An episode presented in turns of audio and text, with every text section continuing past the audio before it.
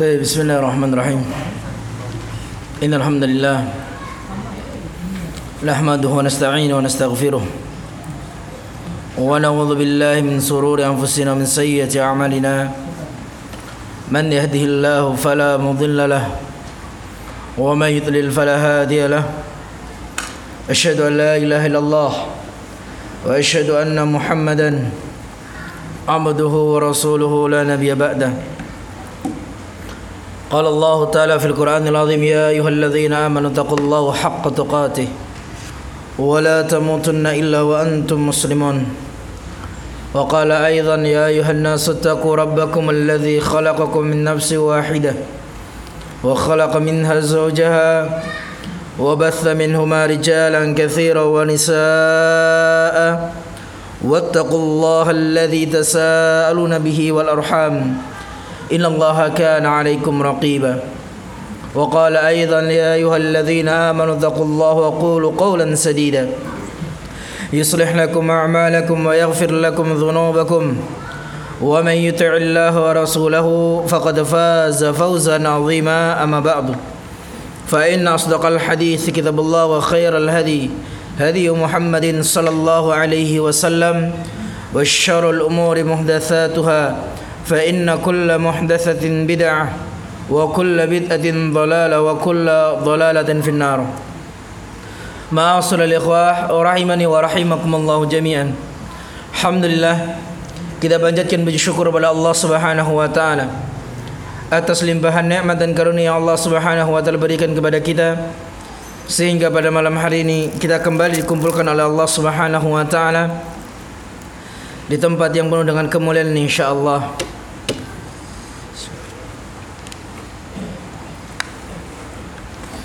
Baik. Dengan meminta pertolongan kepada Allah Subhanahu wa taala, maka pada malam hari ini kita akan masuk pembahasan usul yang kelima dari usul sittah yang disebutkan oleh Syekh Muhammad At-Tamimi rahimahullahu taala.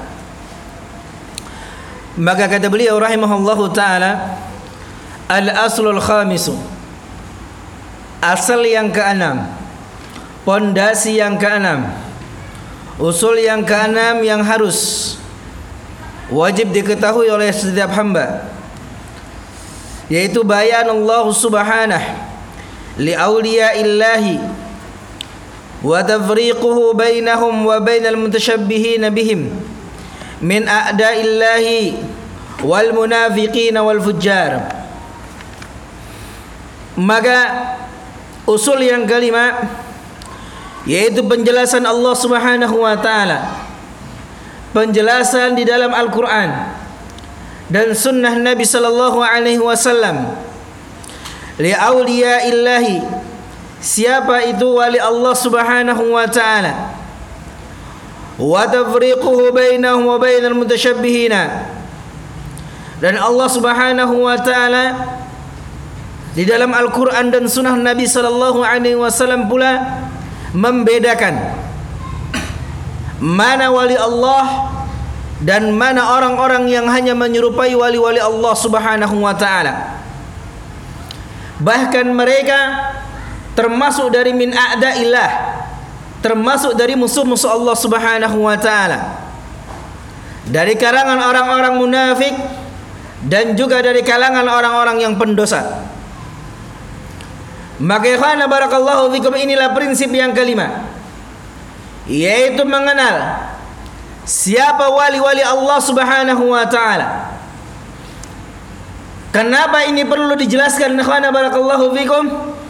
Karena ternyata ini juga merupakan sebab tersesatnya banyak manusia yaitu salah menilai salah mengenali siapa itu wali Allah dan salah di dalam memperlakukan mereka. Salah di dalam memperlakukan wali Allah Subhanahu wa taala. Maka ini salah satu sebab kesesatan yang menimpa umat manusia. Bahkan masuk kepada tauhid. Yang pertama ya barakallahu fikum kenapa mereka sampai tersesat? Yang pertama karena mereka tidak mengenal siapa wali Allah Subhanahu wa taala. Yang kedua, mungkin saja dia tahu mungkin saja dia mengenal wali Allah tapi dia salah di dalam memperlakukan wali Allah Subhanahu wa taala. Yang pertama, dukun dianggap wali. Dan ini bahaya besar ya barakallahu fikum. Penyesat umat dianggap wali Allah. Yang kedua, salah paham di dalam memperlakukan mereka. Seakan-akan kalau sudah jadi wali Allah, maka mereka meyakini semua apa yang dikatakannya pasti benar. Tidak mungkin salah. Seakan-akan semua yang dilakukan tidak pernah salah. Kalau seandainya salah pun tetap mereka mengatakan para wali tersebut tidak boleh disalahkan. Ya. Inilah yang didoktrinkan mereka kepada manusia. Inilah yang ditanamkan mereka kepada pengikut-pengikut mereka. Sehingga tatkala mereka melakukan penyimpangan di dalam agama Allah Subhanahu wa taala, para pengikutnya pun membela. Para pengikutnya pun tetap mengatakan dia adalah wali Allah. Tidak mungkin melakukan kesalahan. Karena sedari dini mereka telah ditanamkan yang demikian. Karena mereka telah ditanamkan jauh di dalam hati mereka bahwasanya wali Allah itu tidak mungkin salah. Semuanya benar apa yang dikatakan mereka. Inilah yang terjadi karena barakallahu fikum pada sebagian masyarakat kita. Musuh Allah, bahkan orang yang sampai tingkatan kafir ini malah dianggap wali Allah. Orang yang justru sampai pada tingkatan dosa terbesar, kekafiran, yaitu mengklaim sudah sampai tingkatan hakikat, tidak lagi mau menganggap syariat, malah dianggap sebagai wali Allah.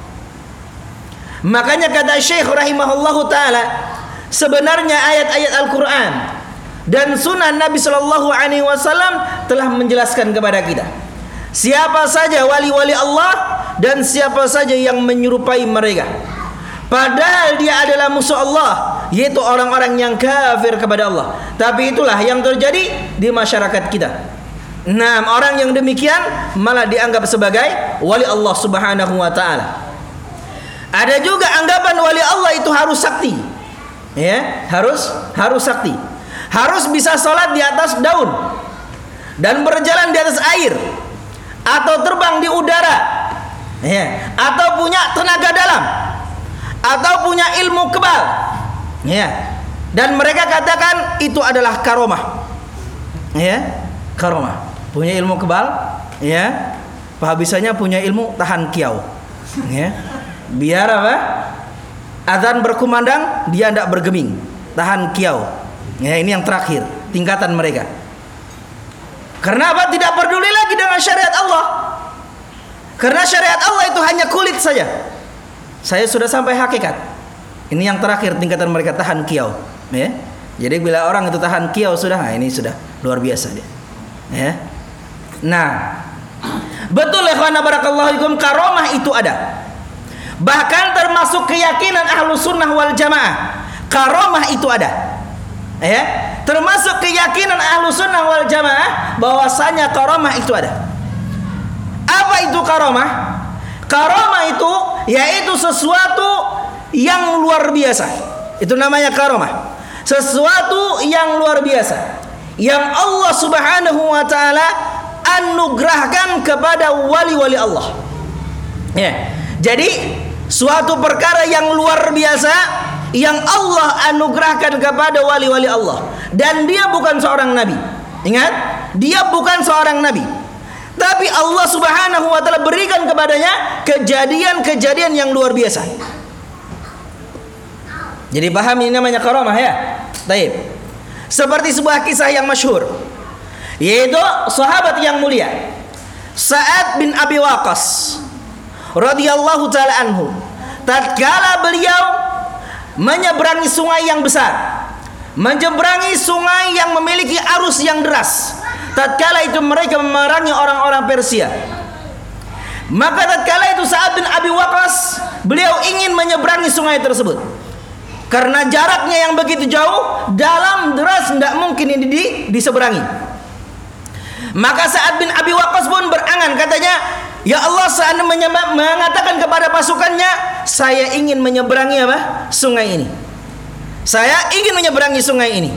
Dan dia beliau berdoa, kemudian benar-benar beliau apa? Menyeberangi sungai itu dengan berjalan. Ini namanya karamah ya Ini namanya karamah. Benar-benar ada. Jadi benar-benar mereka berjalan di atas air. Kalau antum buka-buka buku sejarah tentang mereka, ya, antum akan dapatkan Ya bahwasanya Sa'ad bin Abi Waqqas di antara karamah beliau yang Allah berikan kepada beliau, beliau berjalan di atas air bersama pasukannya. Luar biasa toh? Nah, ini namanya wali Allah. Ya, baik. Dan ini karena barakallahu fikum disebutkan oleh al-Imam Ibnu Katsir rahimahullah di dalam kitab Syiar 6 di dalam kitab uh, Al-Bidayah wan Nihayah disebutkan oleh al-Imam Ibnu Katsir rahimahullahu taala Begitu pula seorang tabi'in yang bernama Abu Muslim Al-Khawlan yang dia memerangi nabi palsu yang berada di Yaman, yaitu yang bernama Al-Aswad Al-Ansi di negeri Yaman. Maka nabi palsu itu pun membakar beliau. Muslim bin Khawlan. Maka beliau tidak terbakar sebagaimana mukjizat yang diberikan kepada siapa? Kepada Nabi Ibrahim alaihissalatu wassalam. Maka ya barakallahu fikum inilah ya yang benar-benar karomah. Maka kawan di sana ada umat Nabi Shallallahu Alaihi Wasallam dia bukan Nabi, bukan sahabat, tapi beliau seorang tabiin. Ya ini namanya karomah. Kalau mukjizat itu hanya dimiliki para nabi. Kalau mukjizat itu hanya dimiliki para nabi. Dan dalil-dalil dari Al-Quran dan Sunnah menunjukkan adanya karomah begitu banyak. Begitu pula kisah-kisah nyata yang terjadi. Tapi masalahnya ikhwana barakallahu fikum, karamah itu tidak sama dengan sihir. Karamah itu tidak sama dengan sihir. Namun ada satu kesamaan. Ada satu kesamaan yang membuat orang-orang tertipu. Apa kesamaannya? Dua-duanya kejadian yang luar biasa. Artinya apa? Di luar kemampuan manusia. Seperti kita contohkan tadi, berjalan di atas air. Iya.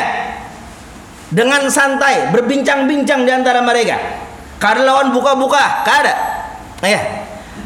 Kita contohkan juga sebagaimana beliau seorang tabiin tadi yang beliau apa? dibakar namun tidak tidak terbakar.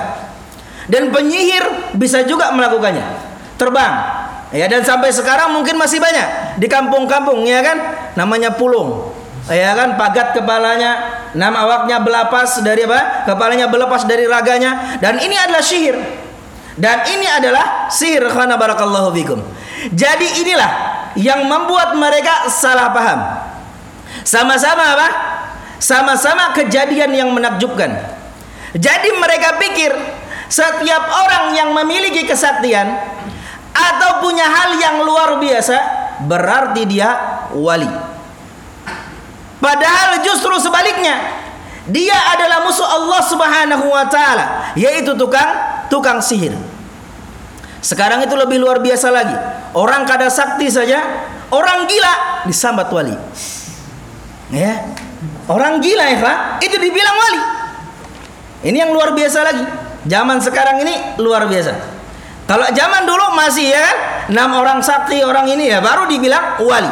Maka bagaimana ya karena barakallahu fikum cara kita membedakan mana karomah dan mana sihir? Iya. Yeah. Cara kita membedakan mana karomah, mana sihir. Perbedaan yang pertama, kita lihat orangnya terlebih dahulu. Kita lihat orangnya.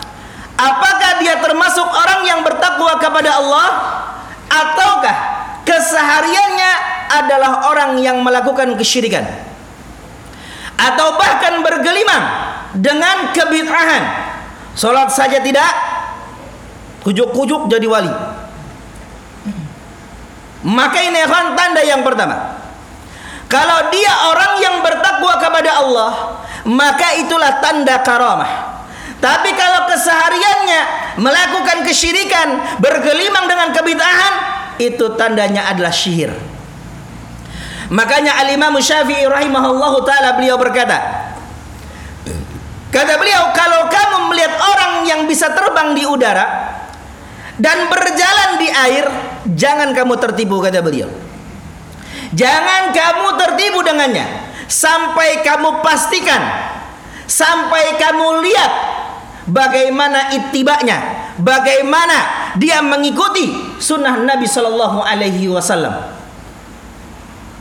Jadi kalau pena casingnya aja, nang baju bah, nang bajenggot, ya kan? Nah, tapi kesehariannya bergelut dengan kesyirikan, bahkan kebid'ahan, maka itu bukan karomah, tapi itu adalah sihir. Ini yang pertama. Kita itihi orangnya dulu. Ini orangnya nang kayak apa penanya? Kalau orangnya kayak ini kelakuannya, maka itu bukan karomah, tapi itu adalah sihir. Perbedaan yang kedua, karomah itu berbeda dengan sihir. Dari segi cara mendapatkannya. Dari sisi apa? Cara mendapatkannya. Sihir itu didapatkan dari belajar. Sihir itu didapatkan dari belajar. Dan di dalam Islam tidak ada pelajaran agar orang jadi sakti. Supaya orang punya ilmu kanuragan atau ilmu wis macam-macam. Ilmu putih kah, habang kah, coklat kah disambatnya. Tetap itu adalah sihir. Maka kalau sesuatu yang didapat dari hasil belajar itu namanya sihir. Dan lebih topnya lagi ilmu sihir diajarkan pada sebagian pondok pesantren. Lolos dari pondok bukan jadi ustadz, tapi malah jadi tukang tukang sihir. Bukan jadi ustadz. Karena lulusan apa? Pondok. Ya. Karena ke mana-mana apa pakai? Pakai peci, pakai jubah, pakai sorban dan lain-lain aksesorisnya kan. Nah, dan ini pernah kita alami ya karena barakallahu fikum. Yang tertanam di masyarakat kalau orang mondok itu pasti sakti. Ya. Saya pulang-pulang mondok langsung. Kata teman saya, Malik ajari saya ilmu deh. Ilmu apa? Ya kan? Nah, dikiranya kita itu langsung sakti gitu kan. Bisa terbang melayang gitu kan. Nah, ini masya Allah ya. Lah itu ya karena yang tertanam pada mereka. Tidak ada dalam Islam ilmu mencari kesaktian. Ilmu mencari ilmu kanuragan tidak ada. Kalau didapatkan dari hasil belajar itu sihir. Itu adalah sihir. Sudah kita bahas. Mempelajari sihir ini termasuk dari pembatal keislaman. Pembatal keislaman yang berapa? Ya. Ketujuh. Sebutkan. Hah? Yang jelas.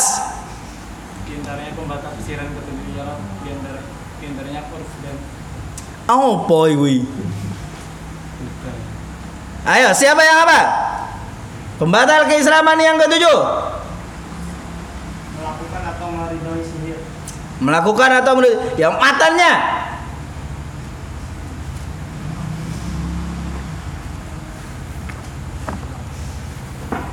Cek, ngombe sih ya. Mikir oh. Terus, apa? Termasuk pembatal keislaman. Apa itu? Buka wes catatannya. Ayo. Kalau kayak gini tuh kada merojaah ente. Ya kan? Kalau dikajutin ini hanya panik gitu. Ya tuh. Taib, itu pembatal apa? Perbedaan yang kedua antara karomah dan sihir. Kemudian yang ketiga, karomah itu tidak dipakai untuk saling tantang menentang atau adu kesaktian. Kalau ada yang mengajak adu kesaktian, adu karomah, itu wis adalah sihir. Kenapa? Karena karomah itu tidak datang kapan kita kehendaki. Kenapa ya? Karena karomah itu dari Allah Subhanahu wa taala. Kalau kapan kita kehendaki karomah itu datang, seakan-akan Allah itu tunduk kepada kita. Beda dengan sihir. Sihir itu adalah perbudakan setan kepada penyihir. Kapan tukang sihir itu melakukan apa yang diinginkan oleh setan? Saat dia berkehendak meminta bantuan setan, setan pun siap sedia membantunya. Jadi kapan saja dia kehendaki dan kapan saja dia melakukan keinginan syaitan, maka syaitan siap membantunya. Maka inilah perbedaan yang keempat Iya, yaitu sihir dari syaitan, karomah dari Allah Subhanahu wa taala. Iya, sihir itu apa? Dari syaitan sedangkan karomah itu dari Allah Subhanahu wa taala. Dan sering sekali orang yang dibantu oleh syaitan itu mereka tidak sadar kalau mereka dibantu oleh syaitan. Katanya mereka apa? Syaitan yang bantu saya. Makanya mereka belum bilang apa ya? Khodam. Pembantu. Padahal dia yang diperbudak oleh syaitan. Iya. Namanya khodam, khodam orang bahari itu itu. Iya kan? Namanya khodam itu pembantu. Kata mereka dia yang bantu padahal dia yang diperbudak. Setiap setahun sekali melarung. Iya kan? Memberi makan buayanya. Ya kan diberi hintalu sebuting, diberi apa? Rokok, diberi lagi apa daun sirih, diberi kinangan, lengkap. Anak pernah masalahnya itu kan. Nah, bahari mendangani gitu ya kan. Ya kan? Jadi tahu bagaimana ritual mereka. Jadi tangan itu dimasukkan segini lah kan, dimasukkan ke dalam air segini. Rasanya apa? Gerejet-gerejet katanya kan. Nah, dimasukkan tangan itu di tengah-tengah sungai, dimasukkan. Itu caranya mereka. Ya, caranya mereka memberi makan buaya peliharaan mereka itu. Nah, yang tidak memberikan manfaat wala mudharat kepada mereka. Ya. Bahkan lebih banyak memberikan mudarat kepada mereka. Kalau sudah kada acaraan, kada memanggil nih datu, selamat sudah. Itu nanti apa? Ada nang kasurupan, nang kayak buaya, enam ya, ada nang kena macam-macam. Ya, padahal itu apa? Memudaratkan mereka. Dan ini diingu. Masya Allah. Ya. Taib. Ini yang keempat ya perbedaannya. Sihir itu dari syaitan sedangkan karamah dari Allah Azza wa Jalla. Dan sering sekali orang ya dibantu oleh syaitan mereka tertipu. Maka itulah yang kita pelajari yaitu tadi ya percampuran antara hak dan kebatilan. Ilmu sihir mereka sebut dengan ilmu putih dan mereka bumbui dengan wirid-wirid dan bacaan-bacaan Al-Qur'an. Ya, dengan wirid-wirid padahal hakikatnya itu adalah sihir. Contoh, ada orang yang mengucapkan zikir la ilaha illallah, ini zikir yang paling abdal. Zikir yang paling baik tapi setiap hari dia membaca kalimat la ilaha illallah 10 ribu kali. 10 ribu kali syariatnya diamalkan 40 hari kada boleh pagat. Nah, kada tahu kalau buan pian. Tapi jangan diamalkan ya. Ini bayangannya jangan diamalkan tapi ya. Memberitahu saja. Nah, ya, ini amalan mereka. 40 hari diamalkan membaca setiap hari 10 ribu kali mengucapkan kalimat la ilaha illallah. Dan saya pernah diceritakan oleh Ustaz Nasrullah Hafidhullah di kampung beliau di Sulawesi sana. Jadi setiap malam itu ada seorang yang dia mengucapkan apa? La ilaha illallah 10 ribu kali. Setiap dia mau selesai dari 10 ribu kalinya dia lupa. Diulang lagi sampai subuh besoknya gila dia. Ya. Nah, dan ini ada ya karena barakallahu fikum. Makanya ajar orang Bahali itu jangan belajar ilmu tinggi-tinggi, kena gila. Nah, memang ya Ilmu yang memang lain syariat. Ilmu yang bukan tuntunan. Kalau kada sesuai porsinya, nah kayak ini kejadiannya. Memang gila. Iya. Kayak apa kada gila ya kak ya kan? Sepuluh ribu kali anak salah diulangi lagi. Ya kan ada boleh harus mas sepuluh ribu. Nah ini memang penyakit memang belajar nang ini nih. Iya, habis itu antum bisa terbang. Ya, tahap apa? Kebal senjata. Nah, yang terakhir tadi apa? Tahan kiau. Itu yang terakhir. Nah, ya atau punya tenaga dalam. Apakah ini akan karomah? Jelas-jelas itu adalah sihir. Kenapa sihir? Kan ini kan dari apa? Kalimat la ilaha illallah ini. Ini kan kalimat la ilaha illallah. Kok bisa disebut sihir? Karena yang pertama niatnya saja sudah salah. Dia bukan dapat pahala ibadah, malah dapat dosa. Kenapa? Karena niatnya tidak tidak tidak ikhlas. Karena Allah Subhanahu wa taala niatnya bukan untuk ibadah, tapi hanya untuk apa? Mencari kesaktian. Niatnya saja sudah sudah salah. Yang kedua, kok bisa salah? Cara dia berzikir adalah cara yang mengada-ada, yang tidak ada dalam petunjuk Nabi Shallallahu Alaihi Wasallam. Makanya karena barakallahu fikum disebutkan oleh Al Imam Ibnu Qayyim rahimahullah, setan itu ya senang kepada ahlul bidah daripada ahlul maksiat. Ya, kenapa ya kan? Karena pelaku kebidahan mereka merasa benar. Mereka merasa yakin bahwasanya apa yang mereka kerjakan itu adalah kebenaran. Sedangkan pelaku maksiat mereka sadar apa yang mereka gawi itu adalah suatu yang yang salah. Antum tanya tuh tukang minum. Yang mereka tanya mereka minum itu antum tanyakan halal apa haram? Mereka jawab haram. Mereka sadar. Tapi kalau lebih bidah, bagaimana mang menggawi ini? Ini bujur, iya kan? Biar sampai ke celeng-celeng. Nah, ini bujur sudah ini nang digawi ini sudah. Nah, gitu ya kan? Nah, makanya kata Ibnu Qayyim rahimahullah, syaitan itu lebih senang kepada ahlul bidah daripada ahlul maksiat. Iya. Jadi ya karena barakallahu fikum. Ya, ini ahlul bidah ya. Nah, karena orang yang melakukan ahlul bidah, mereka itu dianggap benar oleh mereka. Jadi itulah yang mereka sebut dengan ilmu putih. Ya, kenapa kan tercampurkan dengan zikir-zikir dan bacaan yang dilakukan dan ya ini bukan karomah tapi sihir. Nah, antum melihat yang di TV-TV itu bebolang-bolang gitu kan. Nah, tulisannya pemburu hantu. Namanya orang normal ya karena barakallahu fikum dia tidak akan bisa melihat Kecuali kalau bisa melihat kecuali itu memang orang ada juga jinnya. Iya.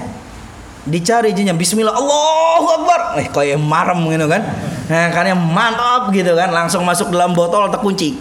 Nah, Allah. Sihir dibuang dengan sihir. Ya, sihir yang dibuang dengan sihir. Kemudian ya barakallahu fikum. Ya. Selanjutnya bukan syarat menjadi wali harus punya karomah. Bukan syarat menjadi wali Allah harus punya karomah. Harus sakti. Bukan itu syarat menjadi wali.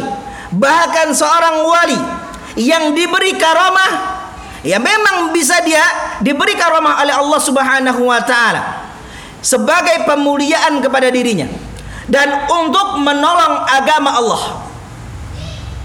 Ini juga bisa ditambah sebagai yang kelima perbedaan antara karomah dan sihir bahwa karomah itu untuk menolong agama Allah kalau sihir bertentangan dengan agama Allah subhanahu wa ta'ala. Dan sampai hari ini orang yang punya ilmu kebal itu belum ada yang saya lihat berangkat jihad.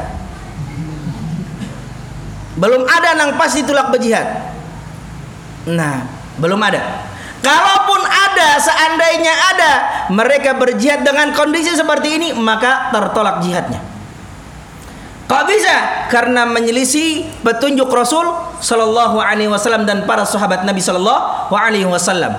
Mereka berjihad dan mereka juga terluka. Nabi pun terluka karena tahan gantal, ya kan? Dan beliau tidak memiliki tenaga dalam. Dari jauh hame-hame gitu kan? Tidak. Nah, antum melihat kan orang bersihir-sihir itu kan yang tenaga dalam dari jauh antum hendak berparak langsung terkipai. Ya, tapi kalau ada orang kada percaya ya coba aja tampar bebujuran kan, haratannya kayak gitu nah, tampar bebujuran kan. Nah, itu bukti karena barakallahu fikum. Tidak ada ya seperti itu ya tenaga dalam tidak ada. Jadi karomah itu untuk menolong agama Allah. Kalau sihir justru bertentangan dengan agama Allah Subhanahu wa taala. Dan karomah itu datang kepada seorang bisa jadi untuk pemuliaan kepada dirinya atau untuk menolong agama Allah karena dia berjihad di jalan Allah. Karena dia berdakwah di jalan Allah Subhanahu wa taala. Sehingga Allah Subhanahu wa taala berikan karomah kepadanya. Dan juga karamah itu bisa jadi untuk menguatkan keimanan seseorang. Artinya apa? Imannya lemah. Sehingga Allah Subhanahu wa taala berikan pertolongan dengan cara memberikan karamah kepada dirinya. Makanya kata para ulama rahmatullah alaihim ajmain di kalangan para tabi'in itu lebih banyak karamahnya daripada kalangan para sahabat. Karena pada generasi tabi'in keimanan mereka lemah. Keimanan mereka lemah. Sehingga Allah Subhanahu wa taala tolong mereka dengan menguatkan iman mereka dengan karomah. Maka kalau antum melihat ya buku-buku sejarah banyak di kalangan para tabi'in yaitu karomah-karomah yang muncul pada mereka. Adapun pada para sahabat mereka tidak terlalu butuh dengan karomah. Kenapa? Karena mereka telah melihat mukjizat yang lebih dahsyat daripada karomah.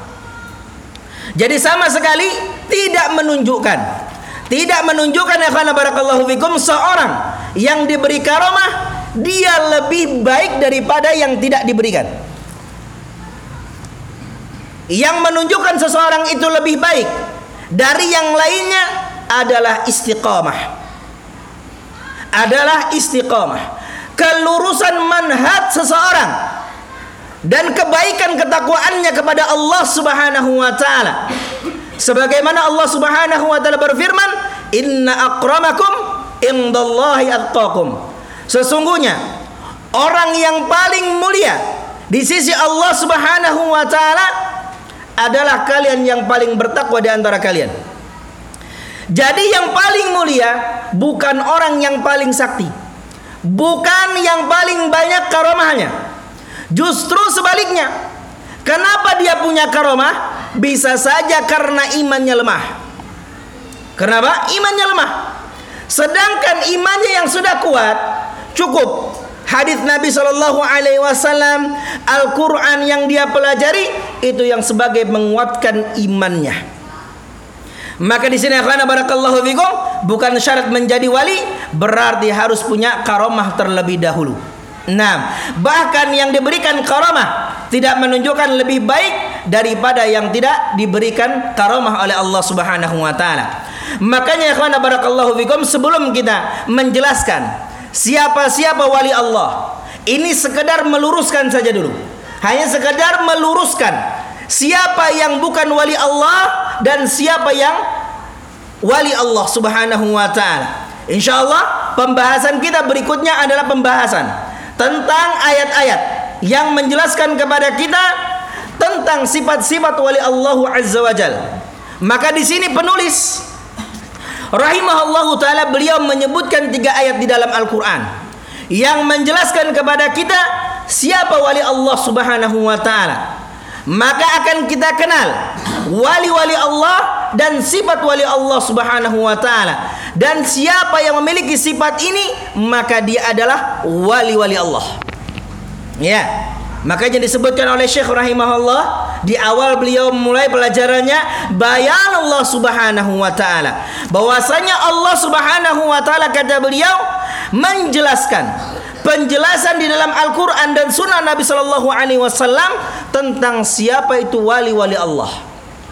Maka inilah prinsip yang kelima tentang kewajiban berusaha menjadi wali Allah dan siapa sebenarnya wali Allah dan apa perbedaannya antara antara wali Allah dan musuh Allah kenapa ini akan harus dibedakan perlu dijelaskan pertama kita diperintah oleh Allah untuk menjadi wali-wali Allah Bagaimana kita menjadi wali Allah? Bagaimana caranya kita menjadi wali Allah? Maka hendaknya kita memiliki sifat-sifat wali Allah.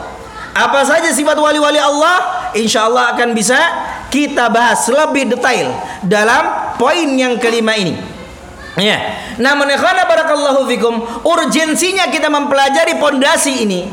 Urgensinya pentingnya kita mempelajari usul yang kelima ini karena kita diperintah untuk bersifat dengan sifat wali-wali Allah. Yang kedua, urgensinya mempelajari ini kita belajar bab ini supaya kita tidak tertipu dengan wali Allah. Padahal sebenarnya dia adalah musuh Allah. Ya. Ini karena barakallah ini urgensinya dua hal yang harus kita pelajari. Yang pertama, kita karena kita Pak diperintah untuk menjadi wali-wali Allah. Yang kedua, supaya kita kada tertipu. Yang mana wali Allah dan mana bukan. Atau hanya sekedar mengaku-ngaku saja, saya wali Allah. Ya, mengaku-ngaku saja. Nah ini karena barakallahu fikum. Ternyata banyak orang yang tersesat dengan sebab ini. Maka ya mereka menganggap ya bahwasanya wali Allah Subhanahu wa taala kalau sudah jadi wali Allah maka seluruh perkataannya tidak bisa ditolak. Perkataan dia tidak bisa ditolak meskipun hadis Nabi mengatakan demikian. Karena ini karena barakallahu fikum ditanamkan oleh mereka. Jadi karena barakallahu fikum tatkala pembahasan seperti ini muncul ke permukaan maka begitu mereka itu apa? sangat luar biasa membenci ahlu sunnah wal jamaah. Iya. Karena ini pelajaran yang memang akan mengikis ya dari perbuatan-perbuatan mereka. Pelajaran akidah merupakan pelajaran-pelajaran yang mendasar yang akan membentengi manusia. Nah, dari perkara-perkara yang bisa menyesatkan mereka. Maka di sini pula kita kenal siapa wali Allah dan siapa musuh Allah. Dan ini sebenarnya adalah cabang dari pembahasan sebelumnya, yaitu mengenal ilmu dan ulama. Ya, yaitu mengenal ilmu dan ulama. Sudah saya sampaikan bahwa saja pembahasan kita ini saling berkaitan satu sama lainnya. Pembahasan yang kelima ber berkaitan pada yang ke yang keempat. Nah, ya karena memang itu kenyataan ya kan. Banyak orang yang dianggap ulama, dianggap ustadz, dianggap kiai, padahal dia sebenarnya adalah penyesat umat. Ya, maka kita perlu tahu apa sebenarnya itu ilmu dan siapa itu ulama. Dan alhamdulillah telah kita belajar. Ilmu itu apa? Ilmu itu apa? Telah belajar gitu loh. Definisinya ilmu itu apa? Tama. yang berasal dari Al-Quran dan hadis Sallallahu Alaihi Wasallam di atas teman para sahabat. Masya Allah, barakallahu fikum ya. Jadi itu namanya ilmu ya. Ilmu itu adalah Al-Quran dan Sunnah dan sesuai pemahaman ahlu sunnah wal jamaah. Maka ini namanya ilmu. Selain itu adalah penyimpangan. Ya, ini namanya ilmu. Ya, tapi bakhana barakallahu fikum. Fa insyaallah akan kita lanjutkan pada pertemuan yang akan datang. Kita akan membahas tiga ayat yang disebutkan oleh Syekh rahimahullahu taala di antaranya surah Al-Imran, surah Al-Maidah dan juga surah Yunus. Bahwasanya di sana disebutkan tentang sifat-sifat wali Allah Subhanahu wa taala. Bagaimana kita bersifat dengan sifatnya wali-wali Allah Subhanahu wa taala sehingga kita menjadi wali-wali Allah Subhanahu wa taala. Dan harus antum betapa dulu untuk menjadi wali Allah Subhanahu wa taala. Cukup antum amalkan yang akan kita ajarkan nanti. Wallahu taala bisawab. Mungkin yang bisa saya sampaikan. Kita tutup dengan doa kafaratul majlis.